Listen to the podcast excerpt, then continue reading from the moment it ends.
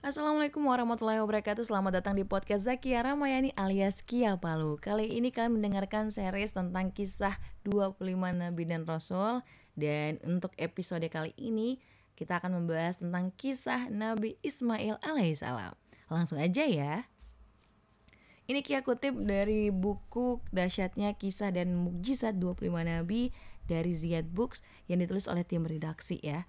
Langsung aja kita dengarkan kisah Nabi Ismail alaihissalam Nabi Ismail adalah putra Nabi Ibrahim dari istri keduanya yang bernama Hajar. Hajar adalah seorang pelayan hadiah dari raja di negeri Syam yang diberikan kepada Sarah. Ketika Nabi Ibrahim mengetahui bahwa istrinya yang bernama Sarah mandul, maka beliau berdoa kepada Allah agar diberi keturunan yang baik. Allah pun memberikan kabar gembira tentang hal itu. Ketika Nabi Ibrahim telah tinggal di Baitul Maqdis selama 20 tahun, Sarah berkata kepada Nabi Ibrahim, Sesungguhnya Allah tidak memberiku kemampuan untuk melahirkan anak. Maka nikahilah budak perempuanku itu. Mudah-mudahan Allah memberikan rezeki anak untukku darinya. Setelah Sarah menghadiahkan Hajar kepada Nabi Ibrahim, Nabi Ibrahim pun kemudian menikahi Hajar dan akhirnya tidak lama kemudian Hajar mengandung. Hajar melahirkan Ismail ketika Nabi Ibrahim berumur 86 atau 87 tahun, sekitar 13 atau sampai 14 tahun sebelum kelahiran Nabi Ishak. Tatkala Nabi Ismail lahir, Allah memberikan wahyu bahwa akan lahir Ishak dari istrinya yang bernama Sarah. Nabi Ibrahim pun segera bersujud kepada Allah. Allah Subhanahu wa taala berfirman kepadanya, "Aku telah kabulkan doamu dengan lahirnya Ismail." Aku berkahi dia, aku perbanyak keturunannya, lalu akan lahir darinya dua belas orang besar, dan aku jadikan ia pemimpin bagi suku yang agung. Nabi Ibrahim alaihissalam mendapat wahyu dari Allah untuk membawa Hajar pergi bersama Ismail. Hingga sampai di suatu padang gersang yang tiada tanda-tanda kehidupan di sana, yang sekarang dikenal dengan nama Makkah. Setelah sampai di sana, kemudian Nabi Ibrahim meninggalkan Hajar dan bayinya tanpa berkata-kata dan hanya meninggalkan satu kantong kulit yang berisi kurma kering dan satu wadah minuman. Kemudian Hajar bertanya berulang kali, namun Nabi Ibrahim tetap diam. Ketika Hajar bertanya, "Apakah Allah yang memerintahkan engkau untuk melakukan ini?" Nabi Ibrahim menjawab, "Iya." Maka Hajar berkata, "Jika demikian, maka Allah tidak akan menelantarkan kami. Ungkap Hajar penuh keyakinan sembari merelakan suaminya pergi meninggalkannya dan anaknya. Sepeninggal Nabi Ibrahim, tinggallah Hajar dan putranya Ismail di tempat yang terpencil dan sunyi itu. Bekal makanan dan minuman yang dibawanya dalam perjalanan akhirnya habis dimakan selama beberapa hari sepeninggal Nabi Ibrahim. Ia masih harus menyusui anaknya, namun air susunya makin lama makin kering disebabkan kekurangan makanan. Ismail kecil yang kelaparan dan kehausan mulai menangis terus-menerus. Sang ibu menjadi panik, bingung, dan cemas mendengar tangisan anaknya yang sangat menyayat hati itu. Ia menoleh ke kanan dan ke kiri, serta lari ke sana kemari mencari sesuap makanan atau seteguk air yang dapat meringankan kelaparannya dan meredakan tangisan anaknya. Tapi dia tidak mendapatkannya. Ia pergi berlari-lari kecil menuju Bukit Safa, kalau-kalau ia bisa mendapatkan sesuatu yang dapat menolongnya. Tetapi hanya batu dan pasir yang didapatinya di situ. Kemudian dari Bukit Safa, ia mendaki Bukit Marwah. Barangkali ia menemukan air di sana. Namun ternyata ia tidak kunjung menemukan apa pun atau siapa pun di bukit itu. Kembalilah ia ke Bukit Safa dengan harapan menemukan sumber kehidupan di sana. Nyatanya tetap saja nihil hasilnya. Sambil mengangkat bagian bawah bajunya, Hajar pun mondar-mandir berlari sampai tujuh kali antara Bukit Safa dan Marwah. Demikianlah beliau lakukan karena dorongan hajat hidupnya dan anaknya yang sangat disayanginya. Namun pada putaran eh, dalam putaran beliau yang ketujuh nih, ketika beliau sudah di ujung asanya, saat sampai di Bukit Marwah, Hajar mendengar suara yang berkata, "Diamlah." Suara itu seolah-olah menghendaki Hajar agar dia berhenti memutari Safa dan Marwah kembali dan mendengarnya. Seketika Hajar pun bersuara, "Aku mendengarmu. Apakah engkau dapat memberiku bantuan? Ternyata tak jauh dari tempat Hajar berdiri ada malaikat Jibril datang. Malaikat Jibril menghentakkan kakinya ke tanah dan memancarlah sumber air darinya. Hajar pun segera mendekat dan mengumpulkan air itu dengan kedua telapak tangannya hingga membentuk kolam kecil sembari berucap zam-zam, zam-zam. Demikianlah sumber air itu disebut zam-zam. Kemudian ia menciduk air itu dan memasukkannya ke dalam bejana untuk putranya Ismail alaihissalam. Lalu malaikat Jibril berkata, Jangan engkau khawatir akan terlantar karena di sinilah letak Baitullah, Ka'bah yang akan dibangun oleh anak itu dan ayahnya Nabi Ibrahim dan Allah tidaklah menyia-nyiakan hambanya. Mancurnya air zam-zam telah menarik burung-burung beterbangan mengelilingi daerah itu. Dengan demikian, juga menarik perhatian sekelompok bangsa Arab dari suku Jurhum yang merantau dan sedang berkemah di sekitar Makkah. Mereka pun mengutus beberapa orang untuk mengecek hal itu.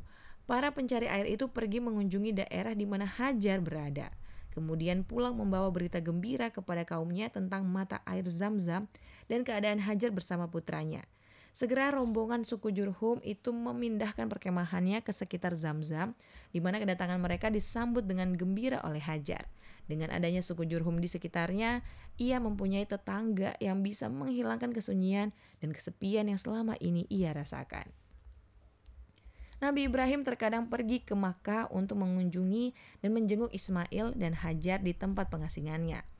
Hal itu untuk mengobati rasa rindu kepada putranya yang ia sayangi, serta menenangkan hatinya yang selalu gelisah bila mengingat keadaan putranya bersama ibunya yang ditinggalkan di tempat tandus, jauh dari masyarakat kota dan pergaulan umum. Sewaktu Nabi Ismail mencapai usia remaja, Nabi Ibrahim alaihissalam bermimpi bahwa ia harus menyembelih Ismail putranya. Mimpi seorang nabi adalah salah satu dari wahyu Allah maka perintah yang diterimanya dalam mimpi itu harus dilaksanakan oleh Nabi Ibrahim. Sebagai seorang nabi, utusan Allah dan pembawa risalah, beliau tidak boleh ragu-ragu dan khawatir terhadap perintah Allah. Beliau harus menjalankan segala perintahnya dan menempatkan cintanya kepada Allah di atas cinta kepada anak, istri, harta, dan benda lainnya ya. Nabi Ibrahim alaihissalam akhirnya bertekad bulat untuk menyembelih Ismail putranya sebagai kurban. Nabi Ibrahim pun berangkat menuju Makkah untuk menemui dan menyampaikan kepada putranya apa yang Allah perintahkan. Sebagai anak yang soleh, taat kepada Allah dan berbakti kepada orang tua ketika diberitahu oleh ayahnya tentang maksud kedatangannya kali ini, tanpa ragu-ragu, Ismail berkata kepada ayahnya, Wahai ayahku, laksanakanlah apa pun yang telah diperintahkan oleh Allah kepadamu. Engkau akan mendapatiku, insya Allah, sebagai orang yang sabar dan patuh kepada perintah. Ismail kemudian dipeluk dan dicium pipinya oleh Nabi Ibrahim alaihissalam seraya berkata, Aku sangat bahagia dan bangga mempunyai anak yang taat kepada Allah, berbakti kepada orang tua dan dengan ikhlas hati menyerahkan dirinya untuk melaksanakan perintah Allah. Setelah keduanya berserah diri, Nabi Ibrahim membaringkan Nabi Ismail seraya membaca basmalah dan bertakbir. Ismail pun membaca syahadat untuk menghadapi kematian. Tiba-tiba terdengar suara, "Wahai Ibrahim, sesungguhnya engkau telah membenarkan mimpi itu." Kejadian tersebut merupakan suatu mukjizat dari Allah yang menegaskan bahwa perintah pengorbanan Ismail itu hanya suatu ujian bagi Nabi Ibrahim dan Nabi Ismail. Sampai sejauh mana cinta dan taat mereka kepada Allah. Ternyata keduanya telah lulus dalam ujian yang sangat berat itu. Sebagai gantinya, Allah memerintahkan Nabi Ibrahim menyembelih seekor domba jantan yang putih bersih, matanya sangat bagus dan bertanduk yang telah tersedia di sampingnya. Demikianlah mulanya sunnah berkurban yang dilakukan oleh umat Islam pada tiap hari raya Idul Adha di seluruh pelosok dunia. Setelah Nabi Ismail beranjak dewasa, ia belajar bahasa Arab kepada orang-orang Bani Jurhum. Kecerdasannya membuat mereka takjub, sehingga setelah Nabi Ismail dewasa, ia dinikahkan dengan wanita dari kalangan mereka. Setelah itu, Hajar meninggal dunia. Namun, atas saran dari Nabi Ibrahim, istri pertama tersebut diceraikan karena buruknya ahlak wanita itu. Nabi Ismail pun menikah lagi dengan wanita lain. Beberapa waktu kemudian Nabi Ibrahim kembali berkunjung saat Ismail sedang meraut anak panah di dekat sumur Zamzam. Ketika Ismail melihat kedatangan ayahnya, ia segera bangkit dan menyambut kedatangannya dengan hangat. Nabi Ibrahim berkata, "Hai Ismail, sesungguhnya Allah memerintahkan sebuah urusan." Ismail menjawab, "Lakukanlah yang menjadi perintah Allah kepadamu." Ibrahim bertanya, "Apakah kamu mau membantuku?" Ismail menjawab, "Aku akan membantumu, ayah." Nabi Ibrahim berkata, Allah memerintahkanku untuk membangun sebuah rumah di sini. Nabi Ibrahim menunjuk gundukan tanah di sekelilingnya. Kemudian mereka saling bekerja sama membangun Baitullah. Sembari membangun Baitullah, mereka berdoa, "Ya Allah, terimalah dari kami amalan kami, sesungguhnya Engkaulah yang Maha mendengar lagi Maha mengetahui." Keduanya mengucapkan doa tersebut dalam puncak keikhlasan dan ketaatan kepada Allah. Allah kemudian mengabulkan semua permohonan dan doa-doa mereka. Nabi Ismail merupakan nabi dari bangsa Jurhum, Amalik, dan Yaman. Menjelang wafatnya, Nabi Ismail berpesan kepada saudaranya Ishak dan menikahkan anaknya yang bernama Nasmah dengan Al-Ish bin Ishak yang kemudian lahir darinya bangsa Romawi. Setelah Nabi Ismail wafat, beliau dimakamkan di Al-Hijr, tempat ibunya dimakamkan. Beliau wafat pada usia 137 tahun. Itulah tadi kisah Nabi Ismail alaihissalam.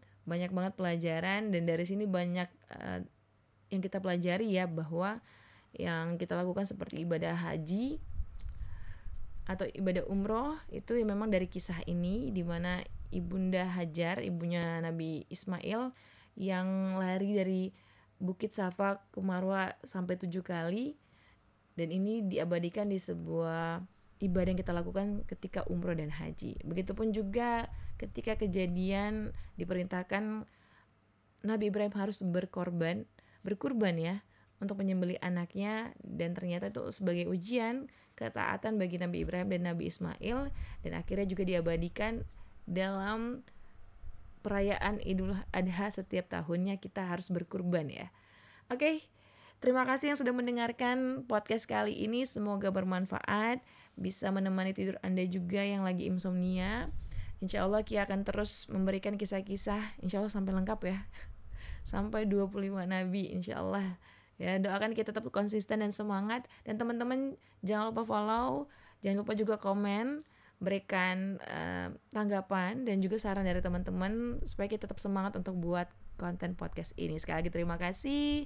Sampai ketemu di episode selanjutnya. Wassalamualaikum warahmatullahi wabarakatuh.